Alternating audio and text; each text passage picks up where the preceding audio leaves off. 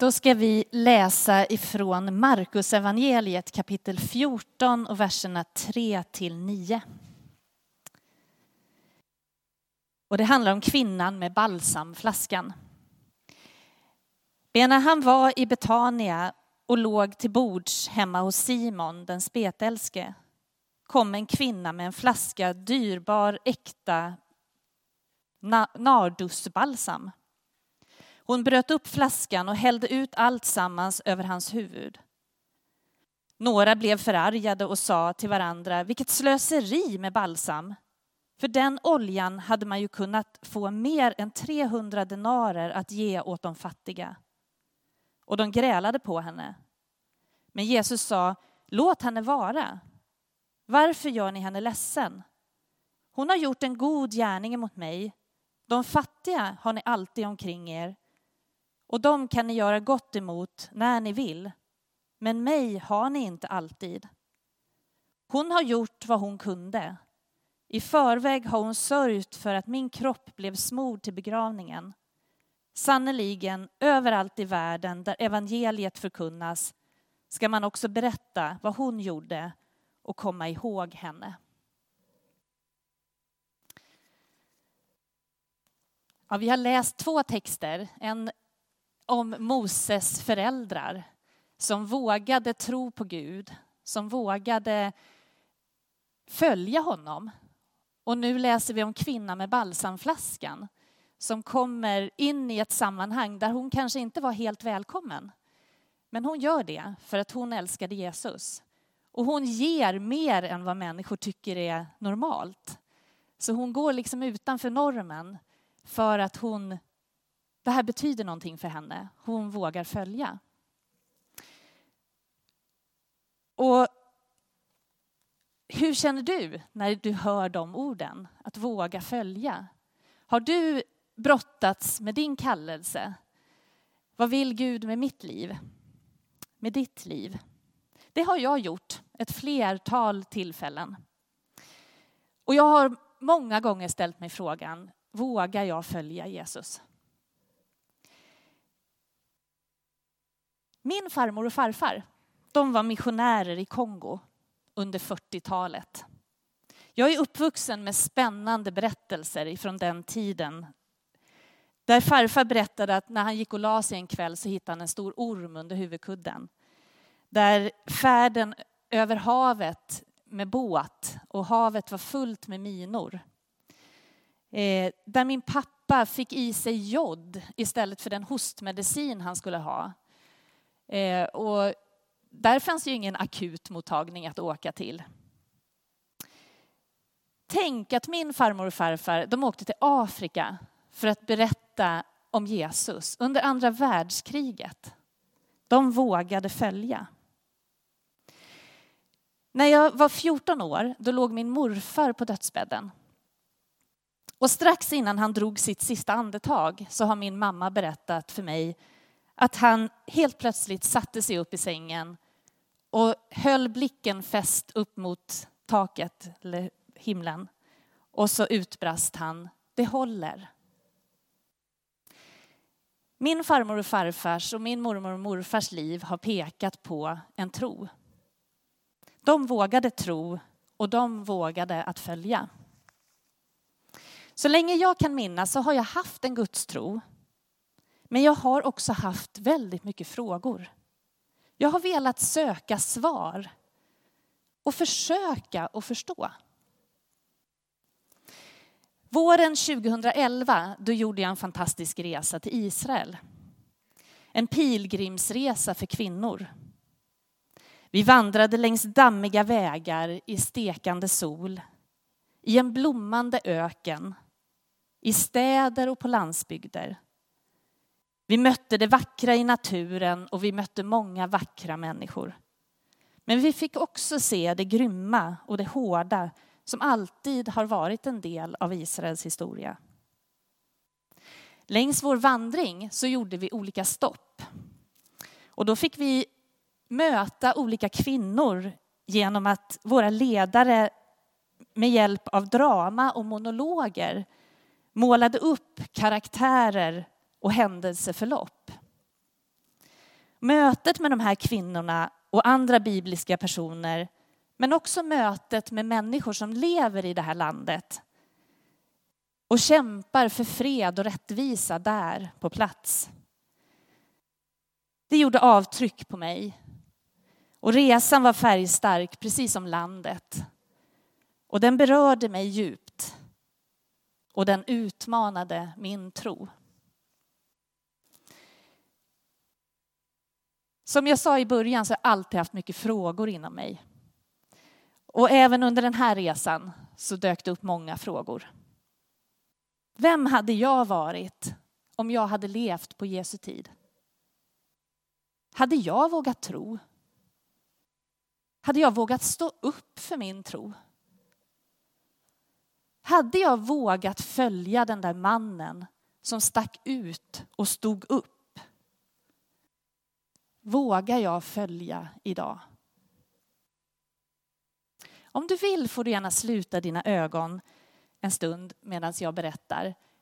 Och försök att se en bild framför dig att du vandrar bredvid Jesus. Jesus vandrade omkring i hela Galileen och undervisade i synagogorna. Han förkunnade budskapet om riket och botade alla slags sjukdomar och krämpor bland folken. Ryktet om honom spred sig i hela Syrien och man förde till honom alla som led av olika sjukdomar och plågor. Besatta, fallande sjuka och förlamade och han botade dem. Och stora skaror följde med honom, folk från Galileen och Dekapolis, från Jerusalem och Judeen och från andra sidan Jordan. Han undervisade med sån auktoritet och hävdade sin rätt att bli hörd. Han var inte det minsta besvärad av kritiken och han kände sig inte i underläge. Han talade med sån kraft att hans motståndare tvingades medge att Jesus var på samma kunskapsnivå som de som hade utbildat sig på rabbinska skolor. Jesus förklarade tydligt och klart att jag är Guds son och Gud har sänt mig att utföra ett gudomligt uppdrag. Det här påståendet måste ha krävt mycket av hans åhörare. Hur skulle de veta om det Jesus sa var på riktigt? Självklart så ledde det här Jesu påståenden till diskussioner för och emot. Några anklagade Jesus för att vara besatt. Några ville gripa honom. Andra fnös och ryckte på axlarna åt honom. Men det fanns också de som visste och trodde att Jesus var Messias.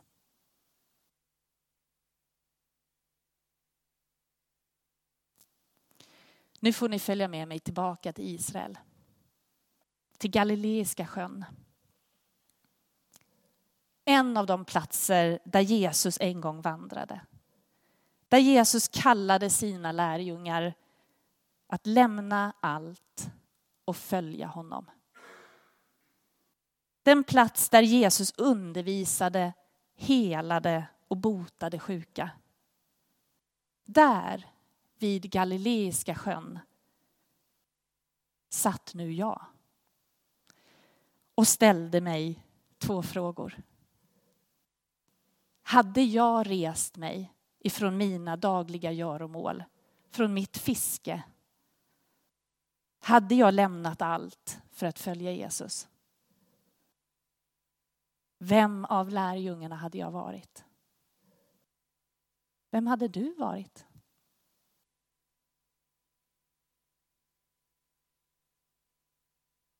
Thomas. Thomas tvivlaren. Hade jag varit. Kom till mig under resan. Och var det här en styrka? Eller var det något svagt? Att likna sig vid Thomas tvivlaren. Jag tänker så här. Thomas, Han hade släppt allt han hade för händerna för att slå följe med en ledare som i det etablerade sammanhanget betraktades som minst sagt suspekt. Han vågade uppbrottet. Men han kom också till ett ögonblick där allt verkade sluta i ett fiasko på en kulle utanför Jerusalem. Men om ni kommer ihåg, vi förflyttar oss till den övre salen på Jesu tid igen. Mästaren, eller, eh, Lärjungarna var samlade i övre salen och de inser att den mästare, den person som de hade sett, satsat allt på, han var död. Under dagen så hade Maria från Magdala kommit till dem och sagt, jag har sett Herren. Hon hade varit vid graven och fått möta honom. Jag har sett Herren. Och lärjungarna, man får en känsla när man läser bibeltexten att de sitter där och funderar, vad ska jag tro? Har hon sett honom? Ska jag tro på det här? Och Johannes 20, verserna 19 till 29, så berättas det att på kvällen, samma dag då som Maria hade sagt att hon hade sett Herren, så satt de lärjungarna reglade, eller innanför reglade dörrar och de var rädda för judarna. Och då och där kommer Jesus och ställer sig mitt ibland dem. Frid åt er alla. Han visade sina händer och sin sida och lärjungarna blev glada att se honom. Men en av de tolv, Thomas, som kallades Tvillingen, han hade inte varit med när Jesus kom, står det. De andra lärjungarna sa nu till honom, precis som Maria hade sagt till dem, att vi har sett Herren. Men Thomas sa, jag kan inte tro om inte jag får se honom. En vecka senare så var lärjungarna samlade igen och då var Thomas med. Då kom Jesus trots att dörrarna var reglade och stod där mitt ibland dem igen och sa frid åt er alla. Och därefter så säger Jesus till Thomas Räck hit ditt finger. Här är mina händer. Räck ut din hand och stick den i min sida. Tvivla inte, utan tro. Då svarade Thomas, min Herre och min Gud. Det står att Thomas inte hade varit med när Jesus kom första gången. Och visst kan man undra, var var han då? Kanske var det så att han i sin förtvivlan behövde få vara ensam, gå sin egen väg, fundera på vad han, vad han hade varit med om. Och när jag läser det här så blir jag så tveksam. Jag vet inte om jag hade vågat det där. Jag vet inte om jag hade vågat lämna allt och följa den här mannen som var så ifrågasatt och så radikal. Jag är inte säker på att jag hade vågat, men jag känner i mitt hjärta att jag vill. Men vet du, lärjungarna, de är precis som du och jag. Olika olika personer med olika personligheter. Och det är helt i sin ordning. Det är så Gud vill ha det. Och jag tänker att vi kan få känna igen oss i de olika lärjungarnas personligheter olika dagar och olika stunder. Vissa dagar har vi en tro som är stark som berg. Och andra dagar tvivlar vi och vågar kanske inte tro. Thomas var ju en av Jesu tolv följare och han gav starkt uttryck för sin tro men också för sitt tvivel. Han kämpade för att vara trofast mot det han hade hört trots att känslorna rusade och var obegripliga. Men han ville tro. I Thomas Sjödins bok Den som hittar sin plats tar ingen annans så står det att tvivel gör att vi stimuleras till att tänka om. Då blir syftet snarare att stärka sin uppfattning än att ändra den. Tvivel kan vara grunden till en fråga. Oj, nu försvann jag. Nej, kommer jag tillbaka. Tvivel kan vara grunden till en fråga som ger ett svar och som hjälper till att skära fram det där äkta, det du djupast vill. Vad kan vi då lära oss av Thomas och hans relation till Jesus? Några saker. En sak är att vi kanske ibland faktiskt behöver söka oss till ensamheten för att där få söka svar. Men sen ska vi komma ihåg att det är viktigt att gå ifrån ensamheten och söka oss till gemenskapen igen. För tvivel, det är inget grupparbete. Eller det är ett grupparbete. Det är inget enskilt prov, utan det är ett grupparbete. Vi behöver varandra i vår tro och i vårt tvivel. Vi kan också lära oss att Jesus, han fördömer inte den som har ärliga tvivel och söker sanningen. Det är bättre att ge ord åt sitt tvivel och få dem förbytta i tro än att förbli tyst och tvivlande. Vi kan också se att Thomas han fick vara precis den han var i relationen till Jesus. Jesus möter Thomas i hans tvivel. Han låter honom få känna på hans sår. Han svarar på Thomas frågor. Och vi kan ana att Gud är inte ute efter att göra om Thomas och inte göra om dig och mig heller. Utan han är mån om att se vad din och min personlighet är. Och så vill han stärka den för att vi ska komma i funktion i tjänst för honom. Vi kan också se att Thomas fick faktiskt vara den han var i församlingen. Den lilla första församlingen med de tolv lärjungarna. Han var troligen välkommen tillbaka verkar det ju som. Han var inte med den första gången, men den andra gången så var han välkommen tillsammans igen. Och de lärjungarna tillsammans fick ställa frågor till Jesus och prata om det här med varandra.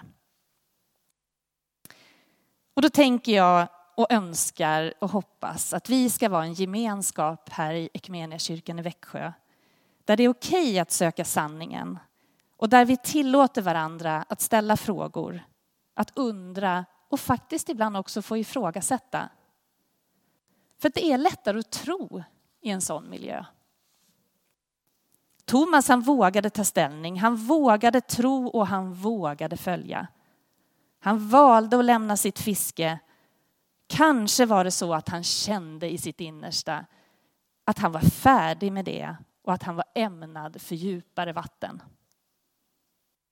Är det dags för dig att lämna ditt fiske? Det finns en inre kompass i varje människa och den heter längtan. Kalibrera ditt liv utifrån din djupaste längtan. Och när du anar den, prata med någon om det. Jag vill hämta mod och kraft genom att ta rygg på mina far och morföräldrar. Jag vill ta rygg på Thomas tvivlaren. Och jag vill ta rygg på Jesus. Jesus som vill vara din och min vän. Och jag har hjälp av en ikon som betyder mycket för mig. Som heter vänskapens ikon. Och det är en påminnelse för mig att Jesus är vår vän.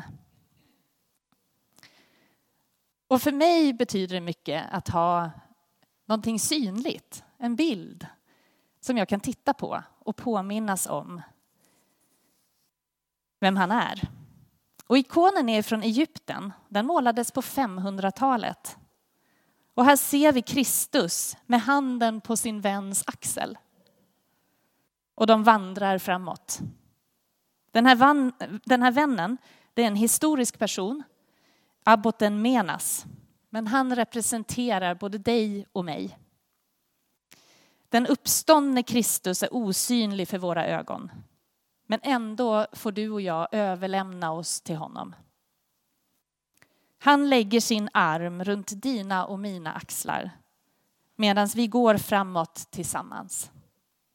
Han går vid din sida. Han kallar dig och mig för sina vänner. Vi får lita på honom. Låt oss be tillsammans. Kristus, du älskar varje människa med evig kärlek. Du går vid vår sida på livets vägar. I evangeliet försäkrar du oss, jag är alltid med er till tidens slut. Och du säger till oss, Gud ger dig den helige Ande, tröstaren, som lever i ditt hjärta.